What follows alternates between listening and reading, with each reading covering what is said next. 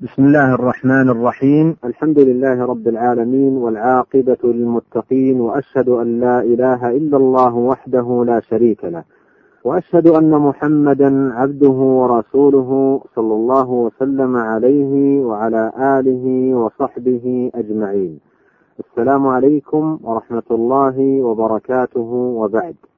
معاشر المستمعين ومن أسماء الله الحسنى الوهاب وهو اسم تكرر في القرآن الكريم في ثلاثة مواضع. قال الله عز وجل ربنا لا تزغ قلوبنا بعد إذ هديتنا وهب لنا من لدنك رحمة إنك أنت الوهاب. وقال تعالى أم عندهم خزائن رحمة ربك العزيز الوهاب. وقال تعالى في ذكر دعاء سليمان عليه السلام قال رب اغفر لي وهب لي ملكا لا ينبغي لأحد من بعدي إنك أنت الوهاب. والوهاب معاشر المستمعين هو كثير الهبة والمنة والعطية وفعال في كلام العرب للمبالغة. فالله جل وعلا وهاب يهب لعباده واحدا بعد واحد ويوالي عليهم النعم ويوسع لهم في العطاء ويجزل لهم في النوال.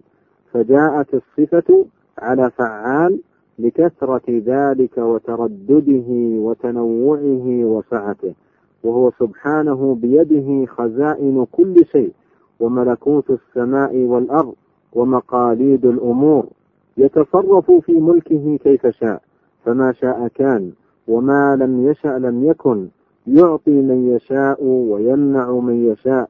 لا مانع لما أعطى ولا معطي لما منع. فهو سبحانه يهب لمن يشاء ما يشاء. ولا تزال هباته على عبده متوالية. وعطاياه له متتالية في عطاء دائم ومن مستمر. يجود بالنوال قبل السؤال. من حين وضعت النطفة في الرحم فنعمه وهباته للجنين في بطن أمه دارة. يربيه أحسن تربية. فإذا وضعته أمه عطف عليه والديه ورباه بنعمه حتى يبلغ أشده. يتقلب في نعم الله ومواهبه مدة حياته. وإذا كانت حياته على الإيمان والتقوى فهذه أشرف هبة وإذا توفاه الله على ذلك نال من المواهب أضعاف أضعاف ما كان عليه في الدنيا مما أعده الله تعالى لعباده المؤمنين المتقين. ما لا عين رأت ولا أذن سمعت ولا خطر على قلب بشر. وقد ذكر الله عز وجل في القرآن الكريم أنواعا من هباته. وذكر توجه أنبيائه والصالحين من عباده إليه في طلبها ونيلها. فذكر سبحانه من هباته الرحمة التي من نالها نال سعادة الدنيا والآخرة. قال الله تعالى ووهبنا لهم من رحمتنا وجعلنا لهم لسان صدق عليا. وقال جل وعلا ووهبنا له من رحمتنا أخاه هارون نبيا. وقال تعالى ربنا لا تزغ قلوبنا بعد إذ هديتنا وهب لنا من لدنك رحمة إنك أنت الوهاب. وقال تعالى أم عندهم خزائن رحمة ربك العزيز الوهاب. وذكر سبحانه من هباته الحكم والملك. قال الله تعالى فوهب لي ربي حكما وجعلني من المرسلين. وقال تعالى رب هب لي حكما وألحقني بالصالحين. وقال تعالى وهب لي ملكا لا ينبغي لأحد من بعدي إنك أنت الوهاب. وذكر سبحانه من هباته المنة المنة على العبد بالزوجة الصالحة والذرية الطيبة ما يكون به قرة عين المسلم. قال الله تعالى ووهبنا له أهله ومثلهم معهم رحمة منا. وقال تعالى والذين يقولون ربنا هب لنا من أزواجنا وذرياتنا قرة أعين واجعلنا للمتقين إماما. وقال تعالى ووهبنا له إسحاق ويعقوب نافلة وكلا جعلنا صالحين. وقال تعالى فاستجبنا له ووهبنا له يحيى وأصلحنا له زوجه. وقال تعالى ووهبنا لداود سليمان نعم العبد إنه أواب. وهذه الهبات المتنوعة بيده سبحانه فهو المالك لهذا الكون المتصرف فيه سبحانه كما شاء.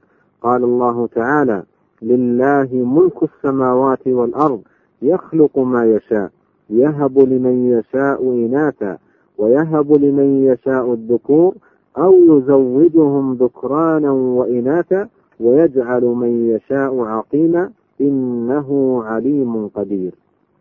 وفي هذا معاشر المستمعين دلالة على أن وجود الولد وصلاحه هبة ربانية ومنة من الله تعالى المتفرد بالتصرف والتدبير في هذا الكون لا شريك له فالأمر له سبحانه من قبل ومن بعد. ما شاء كان وما لم يشأ لم يكن. يعطي من يشاء ويمنع من يشاء. لا مانع لما أعطى ولا معطي لما منع.